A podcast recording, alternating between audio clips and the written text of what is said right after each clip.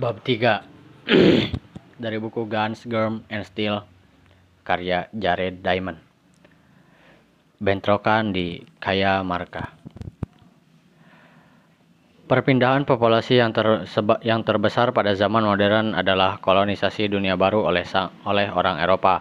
Berikut penaklukan, berkurangnya atau menghilangnya sebagian besar kelompok penduduk asli Amerika yang menyertai perpindahan itu.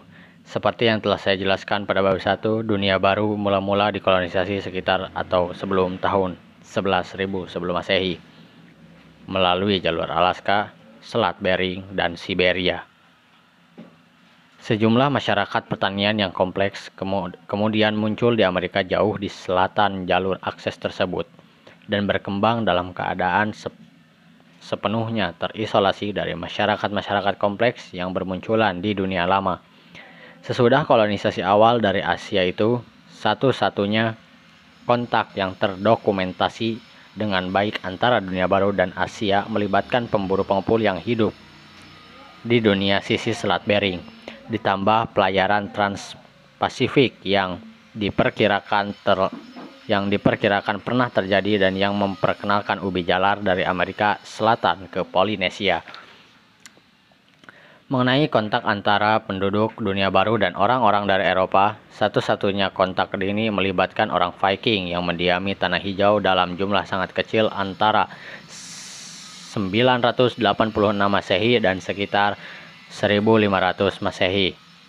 Namun kunjungan orang Viking itu tidak berdampak terhadap masyarakat penduduk asli Amerika dapat dikatakan bahwa benturan antara masyarakat dunia lama yang maju dan masyarakat dunia baru dimulai secara mendadak pada 1492 Masehi yang ditemukannya pulau-pulau Karibia yang didiami banyak penduduk asli Amerika oleh Christophus Columbus.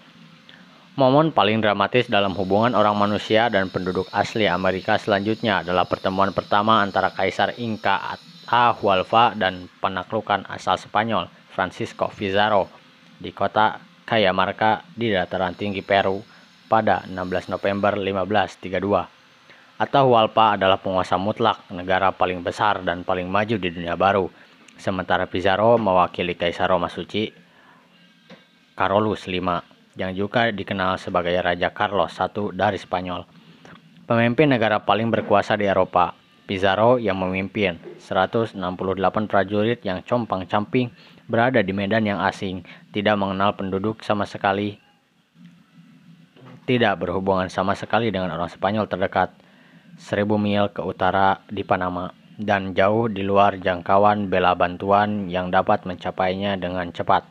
Atau Walpa berada di tengah kekaisarannya sendiri dengan jutaan abdi, dikelilingi oleh pasukan berkekuatan 80.000 prajurit yang baru saja menang perang melawan suku Indian lain.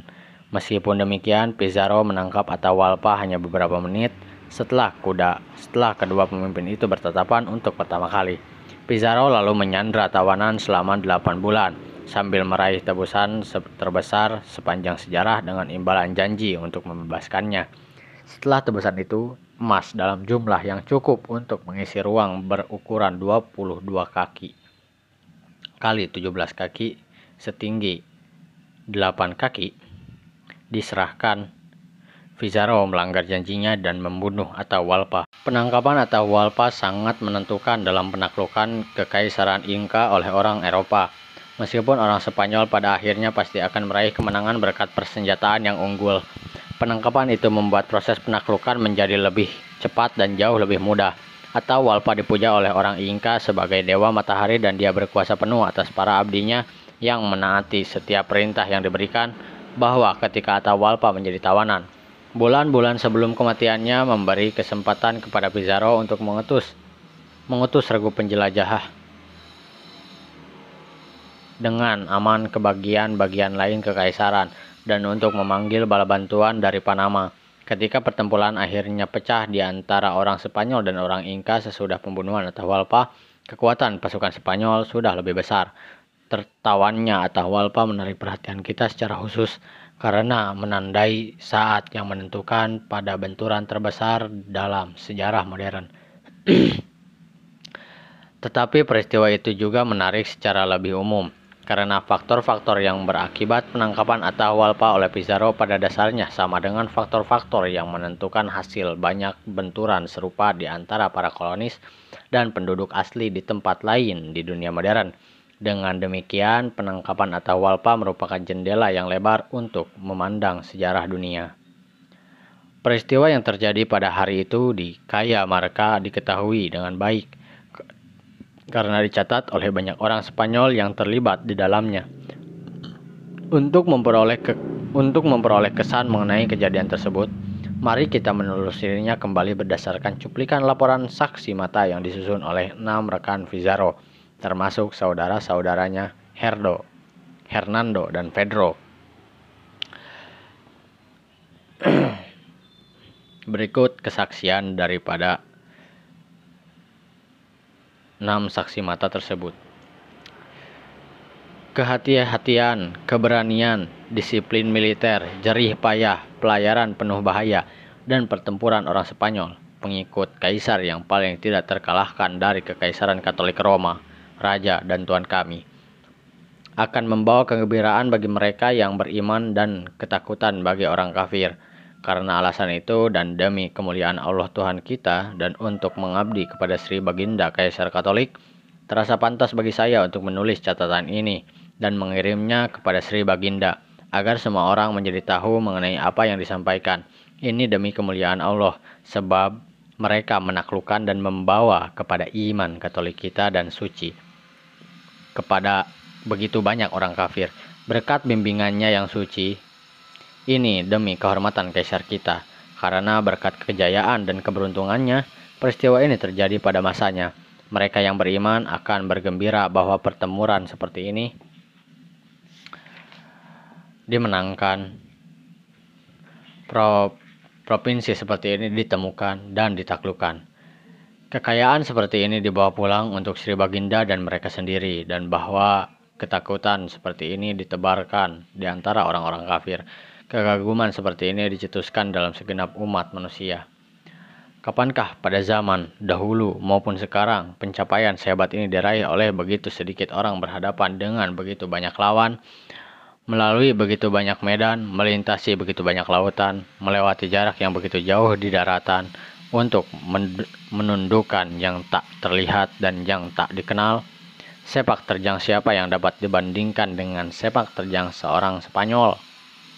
Pasukan kita meskipun berjumlah sedikit tidak pernah lebih dari 200 atau 300 orang dan terkadang hanya 100 atau bahkan lebih sedikit lagi. Pada masa kita telah menundukkan lebih banyak wilayah daripada yang pernah dikenal sebelumnya. Untuk lebih banyak dari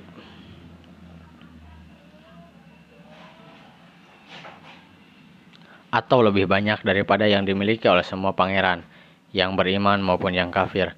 Saya hanya menuliskan sekarang ini apa yang terjadi selama penaklukan dan saya tidak akan menulis banyak untuk menghindari tutur kata yang menjemukan. Gubernur Pizarro bermaksud mendapatkan keterangan dari beberapa orang Indian yang datang dari Kayamarka. Jadi dia memerintah penyiksaan terhadap mereka. Mereka mengaku bahwa mereka mendengar bahwa Atahualpa menunggu sang gubernur di Kayamarka. Sang gubernur, sang gubernur lalu memerintahkan kami bergerak maju. Pada waktu mencapai jalan masuk ke Kayamarka, kami melihat perkemahan Atahualpa pada jarak beberapa mil di kaki pegunungan. Perkemahan orang Indian itu terlihat seperti kota yang sangat indah. Mereka punya begitu banyak tenda sehingga kami pun tercekam Sampai saat itu kami belum pernah melihat pemandangan seperti itu di Hindia. Pasukan kami dilanda ketakutan dan kegelisahan, tetapi kami tidak dapat memperlihatkan rasa takut atau berbalik arah, karena andai orang-orang Indian mengetahui sedikit saja kelemahan di pihak kami, orang-orang Indian yang kami bawa sebagai pandu pun akan membunuh kami. Karena itu kami tunjukkan sikap gagah berani dan setelah mengamati kota dan tenda-tenda dengan seksama, kami turun ke lembah dan memasuki Kayamarka. Kami terus berunding di antara kami sendiri mengenai apa yang harus dilakukan. Kami semua di, dicengkram ketakutan karena jumlah kami begitu sedikit dan kami telah menerobos begitu jauh ke suatu negeri di mana kami tidak bisa mengharapkan bala bantuan. Kami semua bertemu dengan sang gubernur untuk membahas apa yang harus kami lakukan pada keesokan hari. Hanya sedikit di antara kami yang tidur semalam itu. dan kami berjaga di alun-alun Kayamarka sambil mengamati semua api unggun pasukan Indian. Pandangan itu sungguh menakutkan. Sebagian besar api unggun berada di lereng bukit dan begitu rapat sehingga menyerupai langit yang bertaburan bintang. Malam itu tidak ada perbedaan di antara mereka yang berkedudukan tinggi maupun rendah, atau antara prajurit, pejalan kaki, dan penunggang kuda. Setiap orang melaksanakan tugas jaga dengan senjata lengkap, begitu juga dengan sang gubernur yang berkeliling untuk mengamati anak buahnya. Saudara sang gubernur, Hernando Pizarro, menaksir jumlah prajurit Indian sekitar 40.000 orang, tetapi dia berbohong untuk mengangkat semangat kami karena sesungguhnya ada lebih dari 8.000 orang Indian. Ke keesokan pagi utusan Atawalpa tiba dan sang gubernur berkata kepadanya, Beritahu tuanmu bahwa dia dipersilahkan datang kapan pun dan dengan cara apa pun, dan bahwa bagaimanapun saya akan menyambutnya sebagai kawan dan saudara. Saya berdoa agar dia datang cepat, karena saya ingin bertemu dengannya. Dia akan diterima dengan baik dan terhormat. Sang gubernur menyembunyikan pasukannya di sekeliling alun-alun Kayamarka. Pasukan kavalerinya dibagi dua, dengan satu bagian dipimpin oleh saudaranya Hernando Pizarro dan yang satu lagi oleh Hernando de Soto. Dengan cara serupa dia membagi pasukan infanterinya dan satu bagian dipimpin olehnya dan satu lagi oleh saudaranya Juan Pizarro. Secara bersamaan dia memerintah Pedro ke, kan, ke Kandia beserta dua atau tiga prajurit infanteri lain untuk membawa trompet ke benteng kecil di lapangan yang bertahan di sana dengan satu meriam kecil. Pada waktu semua orang Indian berikut atau walpa telah memasuki alun-alun, sang gubernur akan memberi aba-aba kepada Kandia dan anak buahnya, yang selanjutnya harus menembakkan meriam dan menyembunyikan trompet dan bersamaan bunyi trompet pasukan kapeleri harus keluar dari tempat persembunyian dan menyerbu ke alun-alun. Pada siang hari, Atahualpa mulai mengumpulkan orang-orangnya dan mendekat. Tidak lama kemudian kami melihat seluruh dataran dipenuhi rombongan orang Indian yang bergerak dengan sekali-kali berhenti untuk menunggu lebih banyak lagi orang Indian yang keluar dari perkemahan di belakang mereka sampai Sore hari mereka terus menyusun barisan dalam kelompok-kelompok terpisah. Kelompok terdepan kini sudah dekat perkemahan kami dan pasukan tambahan masih saja mengalir dari perkemahan orang Indian. Di depan Atahualpa ada 200 ribu orang Indian yang menyapu jalan di hadapannya dan mereka diikuti oleh barisan prajurit yang setengahnya berjalan di lapangan di satu sisi dan setengahnya lagi di sisi seberangnya. Di depan ada satu barisan orang Indian yang memakai baju dengan warna berbeda-beda, bagaikan papan catur. Mereka maju, memungut jerami yang tergeletak di bawah dan menyapu jalan. Setelah itu menyusul tiga barisan dengan baju berlainan yang menari dan menyanyi. Selanjutnya datang sejumlah orang dengan baju tempur, lempengan logam besar, serta mahkota emas dan perak.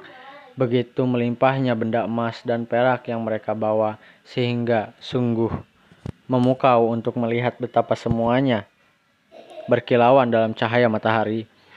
Di antara mereka melihat di antara mereka terlihat sosok atau walpa di atas tandu yang indah dengan ujung-ujung kayu pemanggul berlapis perak. Dia dipanggil oleh 80 bangsawan yang mengenakan seragam biru yang sangat menawan. Atahualpa sendiri berpakaian sangat mewah dengan mahkota di atas kepala dan kalung zamrud melingkar di leher.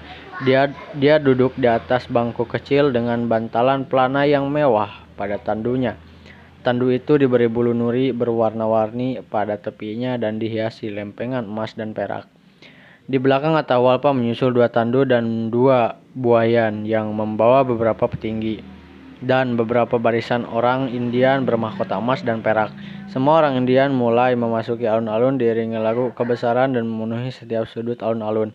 Sementara itu semua orang Spanyol kami menanti dalam keadaan, keadaan siaga, tersembunyi dan satu di satu pekarangan tertutup. Diliputi ketakutan, banyak di antara kami yang terkencing-kencing tanpa menyadari karena besarnya kengerian yang menghadapi kami. Gubernur Pizarro mengutus Bruder Vicente de Pal Perde untuk berbicara dengan Atahualpa dan untuk menuntut agar Atahualpa atas nama Tuhan dan Raja Spanyol menyatakan tunduk kepada hukum Tuhan kami Yesus Kristus dan mengabdi kepada Sri Baginda Raja Spanyol. Sambil memegang salib dengan satu tangan dan Alkitab dengan tangan yang satu lagi, dan sambil berjalan di antara pasukan orang Indian ke tempat Atahualpa berada, sang brother sang brother pun menyapa, Aku pendeta Tuhan dan aku mengabarkan berita mengenai Tuhan kepada orang-orang Kristen dan seperti itulah aku datang untuk mengabarimu. Apa yang aku ajarkan adalah apa yang disabdakan Tuhan kepada kita di dalam kitab ini. Karena itu demi Tuhan dan demi orang-orang Kristen aku memohon kepadamu untuk menjadi kawan mereka. Karena begitulah kehendak Tuhan dan ini pun demi kebaikanmu. Atau Walpa meminta diberi diberi kitab itu agar dia dapat mengamatinya dan sang brother menyerahkannya dalam keadaan tertutup. Atau Walpa tidak tahu cara membuka kitab dan sang brother mengulurkan tangan untuk membukanya ketika tahu Walpa dengan kemarahan yang amat sangat memukul tangan sang brother karena tidak menginginkan kitab itu dibukakan untuknya. Kemudian dia membukanya sendiri dan tanpa merasa takjub melihat huruf dan kertas di hadapannya, melemparnya lima atau enam langkah ke depan dengan wajah merah padam. Sang bruder kembali kepada Pizarro dan berseru, Keluarlah, keluarlah, wahai orang Kristen, seranglah anjing-anjing musuh ini yang menolak berita mengenai Tuhan. Orang zalim ini mencampakkan kitab suciku. Tidakkah kalian melihat apa yang terjadi? Untuk apa tetap sopan dan menunduk di hadapan anjing yang congkak ini? Kalau tempat ini penuh dengan penuh orang Indian, hukumlah dia. Aku menyatakan kalian tidak berdosa bila melakukannya. Sang gubernur lalu memberi aba-aba kepada Kandia yang mulai menembakkan meriam. Semua trompet disembunyikan, dibunyikan dan pasukan Spanyol yang siap tempur baik kapeleri maupun infanteri menghambur keluar dari tempat persembunyian dan langsung menyerbu ke tengah orang-orang Indian tidak bersenjata yang memadati alun-alun sambil menyerukan pekik perang Spanyol. Santiago, kami telah memasang giring-giring pada semua kuda untuk menakut-nakuti orang Indian. Gelegar meriam, bunyi trompet, dan bunyi giring-giring kuda kami membuat orang Indian kocar-kacir ketakutan. Orang Spanyol langsung menyerbu dan mulai mencincang mereka. Orang Indian begitu ngeri sampai berebut menyelamatkan diri, bertumpang tindih, dan saling menghimpit. menghimpit. Karena mereka tidak bersenjata, mereka diserang tanpa adanya bahaya bagi orang-orang Kristen. Pasukan kapeleri menerjang mereka membunuh dan melukai dan terus mengejar. Serangan infanteri begitu dahsyat terhadap mereka yang masih bertahan sehingga dalam waktu singkat orang-orang itu pun mati di ujung pedang. Sang gubernur sendiri menghunus pedang dan belati menembus kerumunan orang Indian bersama orang-orang Spanyol yang menyertai dan dengan gagah berani menerobos sampai ke tandu Atahualpa. Tanpa kenal takut, dia menyambar lengan kiri Atahualpa dan, berser dan berseru, Santiago. Namun dia tidak berhasil menarik Atahualpa dari tandunya karena tandu itu diangkat diangkat tinggi-tinggi.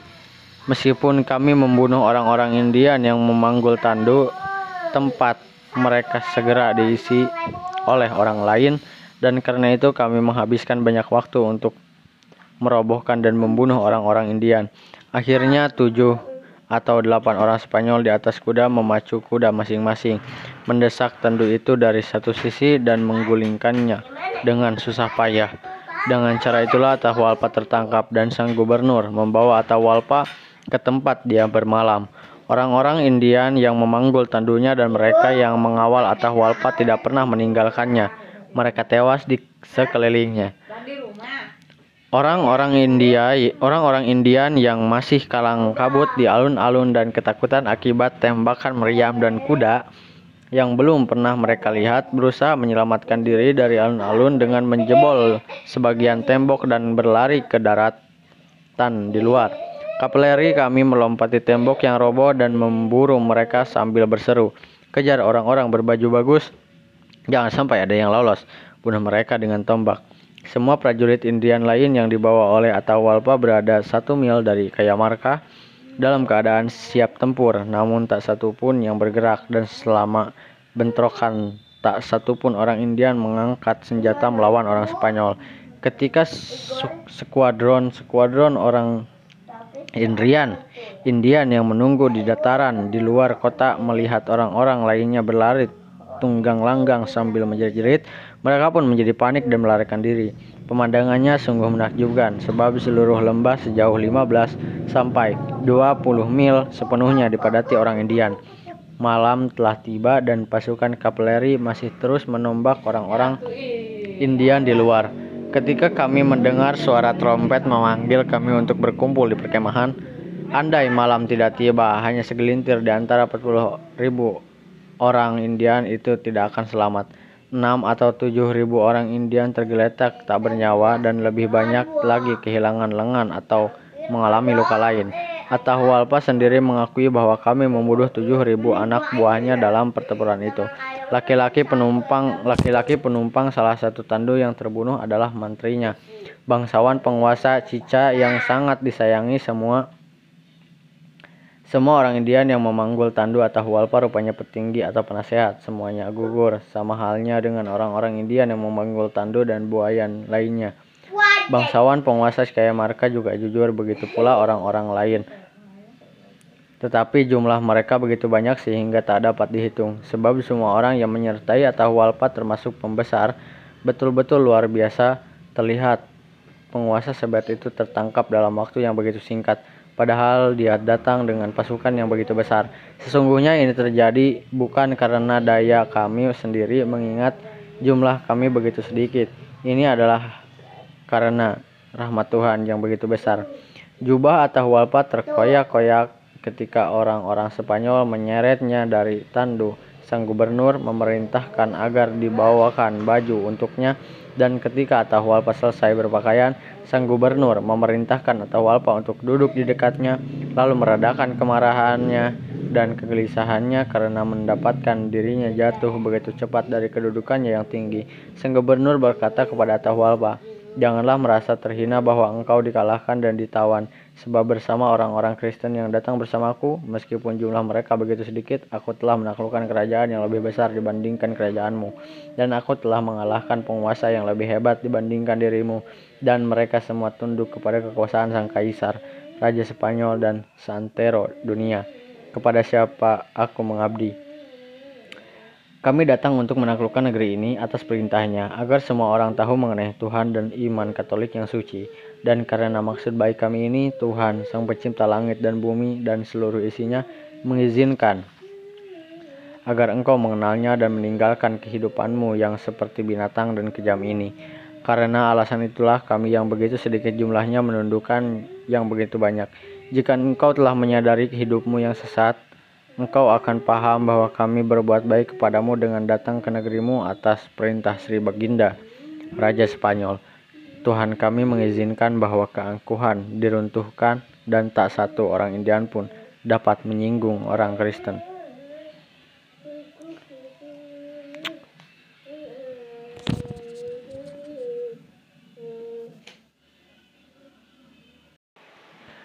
Marilah kita sekarang melacak rantai sebab akibat pada konfrontasi yang luar biasa tersebut. Dimulai dengan peristiwa yang telah terjadi. Ketika Pizarro dan Atahualpa bertemu di Cajamarca, mengapa Pizarro yang menangkap Atahualpa dan membunuh begitu banyak pengikutnya? Dan bukan sebaliknya pasukan Atahualpa yang jauh lebih besar yang menangkap dan membunuh Pizarro? Bagaimanapun, Pizarro hanya punya 62 prajurit berkuda ditambah 106 prajurit infanteri. Sementara Atahualpa membawahi pasukan berkekuatan 80.000 orang mengenai kejadian-kejadian yang mendahului pertemuan mereka, bagaimana Atahualpa sampai berada di Cajamarca, bagaimana Pizarro bisa berada di, di sana untuk menangkapnya, dan bukan sebaliknya Atahualpa yang datang ke Spanyol untuk menangkap Raja Carlos I. Mengapa Atahualpa sampai masuk ke dalam perangkap yang, jika dilihat dalam kilas balik, seharusnya dapat terbaca dengan mudah? Apakah faktor-faktor yang mempengaruhi pertemuan antara Atahualpa dan Pizarro juga berperan lebih luas dalam pertemuan antara bangsa-bangsa dunia lama dan dunia baru dan antara bangsa-bangsa lain? Mengapa Pizarro yang menangkap Atahualpa? Kelebihan Pizarro di bidang militer terletak pada pedang baja dan persenjataan lain, zirah baja, bedil, dan kuda yang dimiliki orang Spanyol. Untuk menghadapi senjata-senjata itu, pasukan atau walpa yang tidak punya hewan tunggangan untuk bertempur terpaksa untuk mengandalkan pentungan, gada, dan kapak berbahan batu, perunggu, atau kayu ditambah ketepel dan baju pelindung lain kain berlapis. Ketimpangan dalam hal perlengkapan seperti itu sangatlah menentukan dalam banyak sekali peristiwa ketika orang Eropa berhadapan dan penduduk asli Amerika dan bangsa bangsa lain. Penduduk asli Amerika yang mampu menghalau penaklukan Eropa selama berabad-abad adalah suku-suku yang memperkecil ketimpangan militer tadi dengan mendapatkan dan menguasai kuda serta bedil. Bagi orang kulit putih Amerika pada umumnya, kata Indian membangkitkan gambaran mengenai orang Indian penghuni padang rumput yang duduk di atas kuda sambil mengacungkan senapan, seperti para pejuang Sioux Sioux yang pada 1676 membinasakan batalion Angkatan Darat Amerika Serikat di bawah komando Jenderal George Custer pada pertempuran Little Bighorn yang terkenal. Kita cenderung lupa bahwa kuda dan senapan semula tidak dikenal penduduk asli Amerika. Baik kuda maupun senapan dibawa oleh orang Eropa dan selanjutnya mengubah suku-suku Indian yang berhasil mendapatkannya dengan menguasai kuda dan senapan suku Indian penghuni padang rumput Amerika Utara, suku Araucania di Chile Selatan, dan suku Indian penghuni Pampa di Argentina mampu bertahan lebih lama terhadap serbuan orang kulit putih daripada semua suku asli Amerika lainnya dan baru takluk setelah pemerintah-pemerintah orang kulit putih melancarkan operasi tentara besar-besaran pada 1870-an dan 1880-an. Kini kita sukar membayangkan ketidakseimbangan jumlah pasukan yang berhasil diatasi pihak Spanyol berkat keunggulan mereka dalam hal perlengkapan militer. Pada pertempuran, pada pertempuran kaya marka yang dikisahkan di atas, 168 orang Spanyol menghancurkan pasukan pribumi Amerika yang 500 lebih besar dan membunuh ribuan para prajurit musuh tanpa kehilangan satu orang pun. Berbagai laporan mengenai pertempuran Pizarro selanjutnya melawan bangsa Inca, mengenai penaklukan bangsa Aztec oleh Cortes, dan mengenai konfrontasi lain antara orang Eropa dan penduduk asli Amerika pada masa itu berulang kali menggambarkan situasi di mana beberapa lusin penunggang kuda dari Eropa membuat ribuan orang Indian menjadi korban pembantaian besar-besaran. Sepanjang perjalanan Pizarro dari Cajamarca menuju Cusco, ibu kota Inca, setelah kematian Atahualpa terdapat empat pertempuran seperti itu di Juaja, Pilkas Huaman, Pilkakonga, dan Cusco. Keempat pertempuran itu masing-masing hanya melibatkan 8, 30, 110, dan 40 penunggang kuda Spanyol dan selalu melawan ribuan atau puluhan ribu orang Indian. Semua kemenangan Spanyol itu mustahil disebabkan semata-mata oleh bantuan sekutu dari kalangan penduduk asli. Oleh oleh kejutan psikologis terkait dengan senjata dan kuda pasukan Spanyol atau seperti yang sering disinggung oleh keyakinan orang Inka bahwa orang-orang Spanyol merupakan penjelmaan dewa Piracoca yang telah kembali Keberhasilan awal yang dicapai oleh Pizarro maupun Cortes memang menarik sekutu dari kalangan penduduk asli.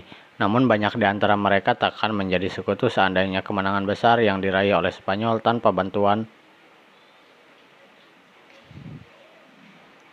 tidak sudah lebih dahulu meyakinkan mereka bahwa perlawanan sia-sia belaka dan bahwa mereka sebaiknya mendukung pihak yang paling berpeluang untuk berjaya. Kehadiran kuda, senjata baja, dan bedil di kaya marka tak plak memang mengagetkan orang Inka, tetapi berbagai pertempuran sesudah Kaya Marka ditandai oleh perlawanan sengit pasukan Inka yang sudah pernah melihat senjata dan kuda orang Spanyol. Dalam kurun waktu enam tahun setelah konfrontasi pertama, bangsa Inka melancarkan dua pemberontakan habis-habisan yang berskala besar dan ber, dan dipersiapkan dengan matang melawan orang Spanyol. Semua upaya itu gagal akibat keunggulan orang Spanyol di bidang persenjataan. Mulai 1700-an, bedil telah menggantikan pedang sebagai senjata utama sehingga menguntungkan pihak penyerang dari Eropa ketika berhadapan dengan penduduk asli Amerika maupun bangsa pribumi lainnya. Sebagai contoh, pada 1808, seorang pelaut Inggris bernama Charlie Savage yang membawa senapan dan memiliki bidikan yang akurat tiba di Kepulauan Fiji Sesuai dengan namanya, Savage berarti ganas. Dia berhasil menggoyahkan keseimbangan kekuasaan di Fiji seorang diri. Suatu ketika dia mendayung perahunya menuju desa Fiji bernama Kasapu. Berhenti dalam jarak tembak pistol dari pagar desa, lalu menembaki penduduk desa yang tidak bersenjata.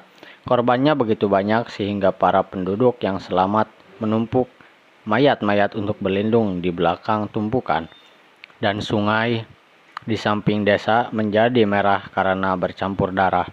Contoh kedahsyatan bedil melawan penduduk asli tanpa bedil seperti itu tak terhitung banyaknya. Pada penaklukan bangsa Inka oleh orang Spanyol, bedil hanya berperan kecil. Bedil pada masa itu yang dikenal sebagai har kuebus atau senapan latak, sukar diisi dan ditembakkan, dan Pizarro hanya membawa selusin saja. Senapan-senapan itu memang menimbulkan dampak psikologis yang besar ketika berhasil ditembakkan.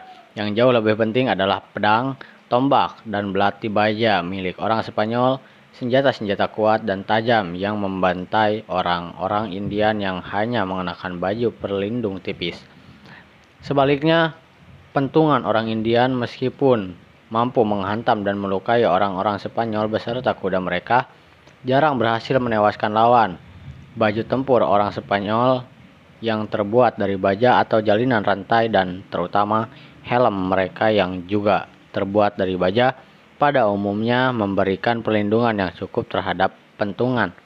Sementara baju pelindung orang Indian yang terbuat dari kain berlapis sama sekali tidak mampu menghalau senjata baja. Keuntungan luar biasa yang diperoleh orang Spanyol berkat kuda tampak mencolok dalam laporan para saksi mata. Penanggung kuda dapat dengan mudah mengejar pengintai Indian sebelum dia sempat memperingatkan pasukan Indian yang berada di belakangnya, serta pemburu dan pembunuh setiap orang Indian yang berjalan kaki. Rasa kaget akibat serangan kuda, kelincahan kuda, kecepatan ser serang kuda, serta kedudukan yang tinggi dan terlindung di atas kuda menyebabkan prajurit infanteri nyaris tak berdaya menghadapi prajurit berkuda di medan terbuka. Dampak pasukan berkuda tidak terbatas pada rasa ngeri yang ditimbulkan dalam diri prajurit yang untuk pertama kali berhadapan dengan pasukan berkuda. Ketika pemberontakan besar bangsa Inka berlangsung pada 1536, orang Inka telah mengetahui cara terbaik untuk, untuk menghadapi kapeleri, yaitu dengan menjebak dan membinasakan para penanggung kuda Spanyol di ngara yang sempit.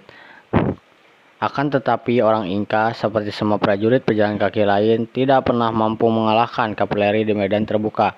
Saat Quizo, Yapangkuo, jenderal terbaik Kaisar Inka, Mangko, yang mengganti Atahualpa, mengepung orang Spanyol di Lima pada 1536 dan berusaha merebut kota itu.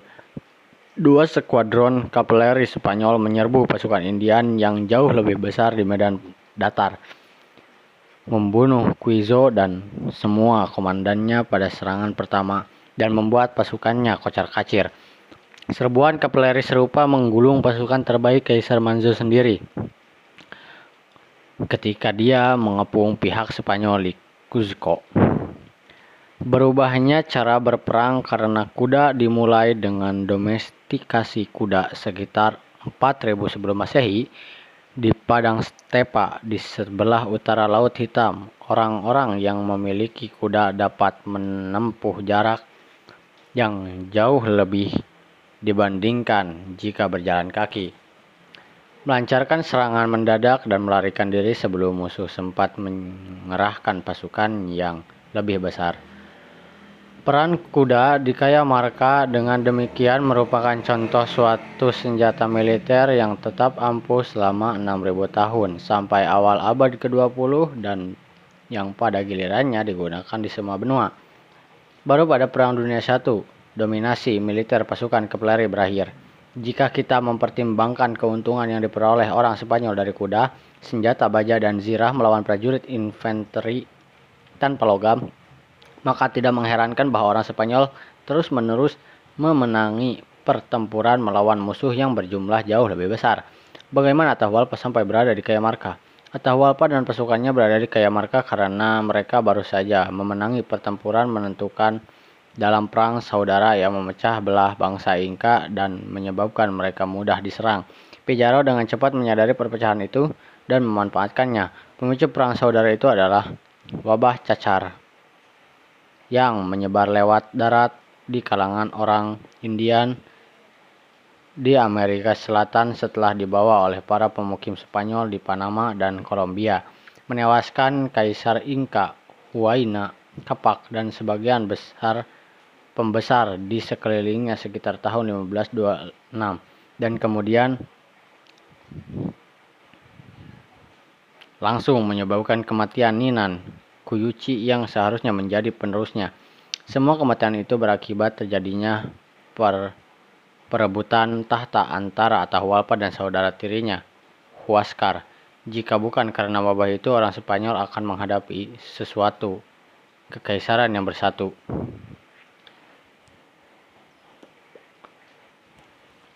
Kehadiran Atahualpa di Kayamarka dengan demikian menggarisbawahi salah satu faktor kunci dalam sejarah dunia, penyakit yang dibawa ke tengah orang-orang tanpa kebebalan terhadap penyakit itu oleh bangsa penyerbu yang memiliki ketahanan terhadap penyakit tersebut.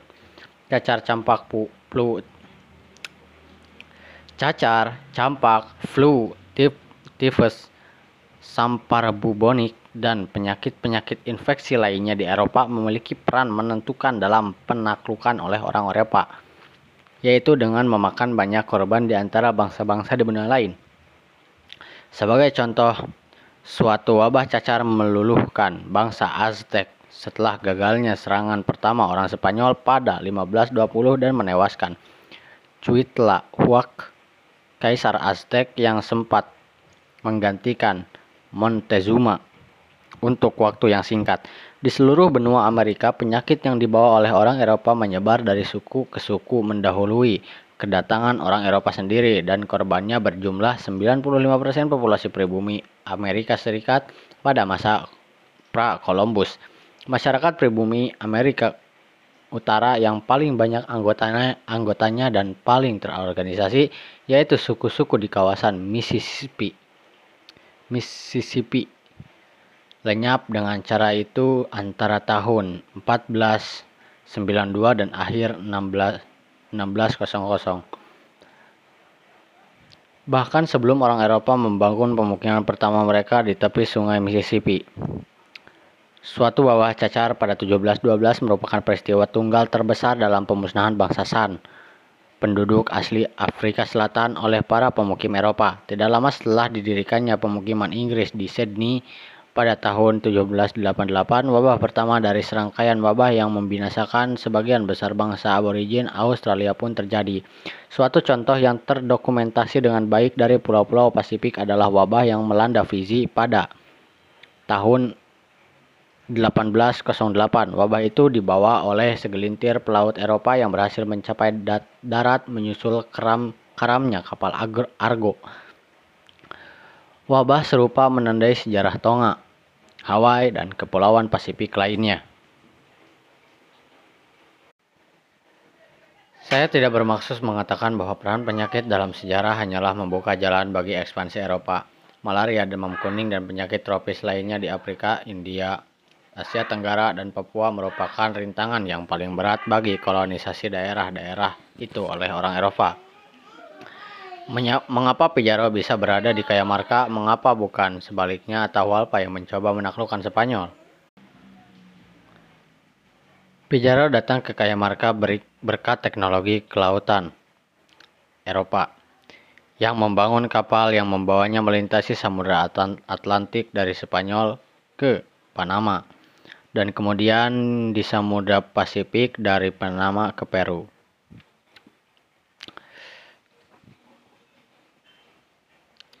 Atahualpa tidak memiliki teknologi seperti itu, sehingga tidak melakukan ekspansi keluar Amerika Serikat atau Amerika Selatan. Faktor selain kapal yang dibalik kehadiran Pizarro adalah organisasi politik terpusat yang memungkinkan Spanyol membiayai, membangun, mau mengawaki, dan memperlengkapi kapal-kapal itu. Kekaisaran Inka juga punya organisasi politik terpusat, namun organisasi tersebut justru bersifat merugikan karena Pizarro berhasil merumpuhkan garis komando bangsa Inka dengan menangkap Atahualpa karena begitu, tergantung kepada kaisar penguasa mutlak yang bagaikan dewa, birokrasi Inka menjadi berantakan setelah Atahualpa tewas. Teknologi maritim dan organisasi politik berperan menentukan dalam ekspansi orang Eropa ke benua-benua lain dan juga dalam ekspansi bangsa-bangsa lain. Satu faktor terkait yang membawa orang Spanyol ke Peru adalah tulisan. Spanyol memiliki tulisan, sementara Kekaisaran Inka tidak. Informasi dapat disebarkan jauh lebih luas, lebih akurat, dan lebih rinci secara tertulis dibandingkan dari mulut ke mulut. Fak informasi seperti itu yang kembali ke Spanyol dari pelayaran Kolombia atau Columbus dan dari penaklukan Meksiko oleh Cortes menyebabkan orang Spanyol berbondong-bondong menuju ke dunia baru. Surat dan pamflet memberikan motivasi dan petunjuk arah yang diperlukan. Laporan mengenai petualangan Pizarro yang pertama diterbitkan oleh rekan Kapten Cristobal de Mena dicetak di Sevilla pada April 1534. Hanya sembilan bulan setelah pembunuhan Atahualpa, laporan itu sangat laris. Segera diterjemahkan ke dalam bahasa-bahasa Eropa lain dan memicu gelombang koloni Spanyol berikut untuk memperkuat cengkraman Pizarro atas Peru. Mengapa Atahualpa sampai masuk ke dalam perangkap?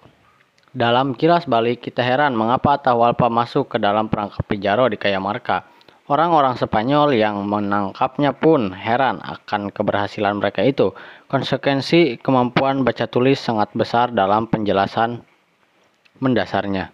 Penjelasan yang bersifat langsung adalah bahwa Atahualpa memiliki sedikit sekali informasi mengenai orang Spanyol, serta mengenai kekuatan militer dan tujuan mereka. Informasi yang sedikit itu diperolehnya secara lisan. Sebagian besar dari orang utusan yang sempat mengunjungi pasukan Pizarro selama dua hari ketika mereka menempuh perjalanan dari pesisir ke pedalaman, utusan itu menyaksikan orang-orang Spanyol dalam keadaan kacau balau, lalu melaporkan kepada Atahualpa bahwa mereka bukan tentara dan bahwa dia dapat meringkus mereka semua seandainya diberi 200 orang Indian.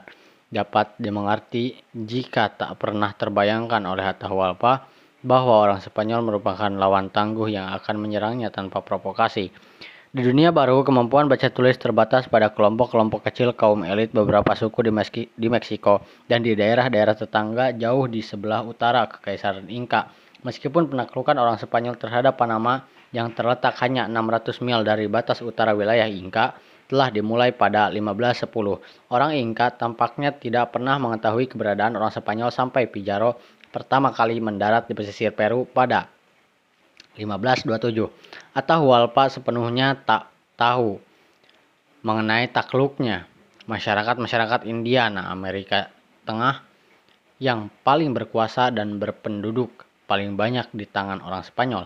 Bagi kita pada zaman sekarang, tindak tanduk Atahualpa setelah dia tertawan sama mengherankan dengan tindak tanduk yang membuatnya terperangkap dia menawarkan tebusannya yang terkenal itu berdasarkan keyakinan naif bahwa setelah dibayar, orang Spanyol akan melepaskannya dan pergi.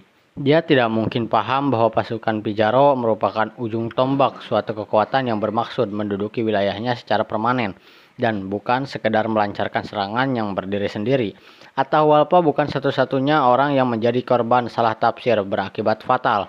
Setelah Atahualpa tertangkap, saudara Francisco Pizarro Hernandez Pizarro berhasil mengelabui jenderal andalan Atahualpa, Chal Chumicha, Chal Chuchima, yang membawahi pasukan besar sehingga menyerahkan diri kepada orang Spanyol.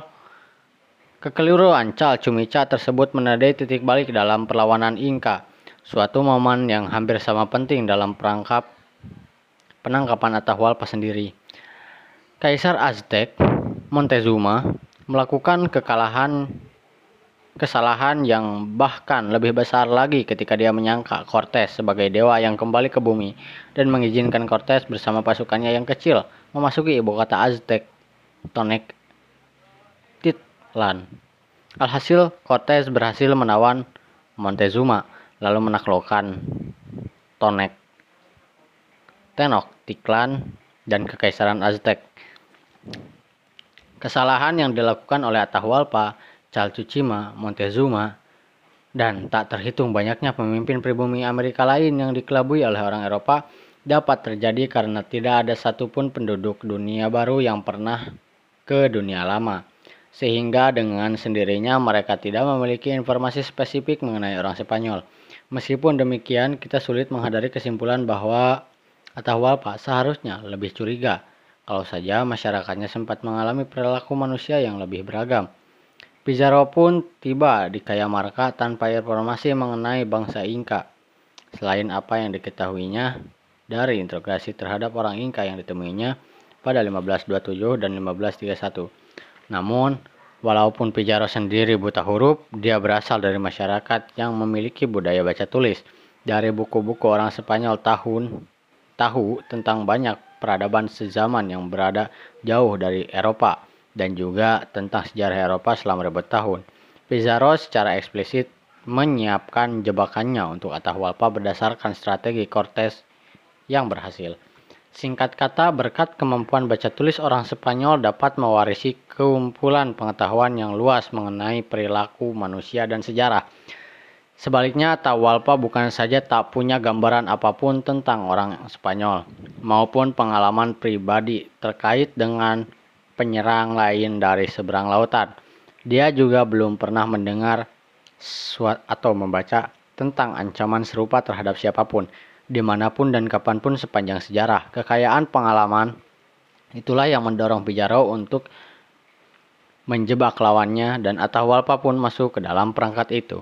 Jadi, penangkapan Atahualpa oleh Pizarro merupakan gambaran rangkaian faktor langsung yang berakibat penjajah dunia, penjajahan dunia baru oleh orang Eropa, dan bukan sebaliknya Eropa dijajah oleh penduduk asli Amerika. Alasan langsung bagi keberhasilan Pizarro mencakup teknologi militer berbasis bedil, senjata baja, dan kuda, penyakit infeksi yang endemik di Eurasia, teknologi maritim Eropa, organisasi politik terpusat yang terdapat pada negara-negara Eropa, dan tulisan. Judul buku ini merujuk pada faktor-faktor langsung tersebut yang juga memungkinkan orang Eropa modern untuk menaklukkan bangsa-bangsa di dunia lain. Jauh sebelum siapa pun mulai memproduksi bedil dan baja, faktor-faktor serupa juga mendorong ekspansi bangsa-bangsa non-Eropa seperti yang akan kita lihat pada bab-bab selanjutnya. Tetapi kita masih menghadapi pertanyaan mendasar, mengapa semua keuntungan langsung itu lebih banyak berada di pihak Eropa daripada di pihak dunia baru? Mengapa bukan bangsa Inka yang menciptakan bedil dan pedang baja, menunggangi hewan segarang kuda, membawa penyakit yang tak dapat dilawan oleh kekebalan tubuh orang Eropa, mengembangkan kapal yang mampu mengarungi samudra serta organisasi politik yang maju dan memanfaatkan pengalaman yang terkandung dalam sejarah tertulis selama ribuan tahun. Semua hal di atas bukan lagi sebab akibat langsung seperti yang dibahas di dalam bab ini, melainkan merupakan sebab akibat mendasar yang akan mengisi dua bab berikutnya dari buku ini.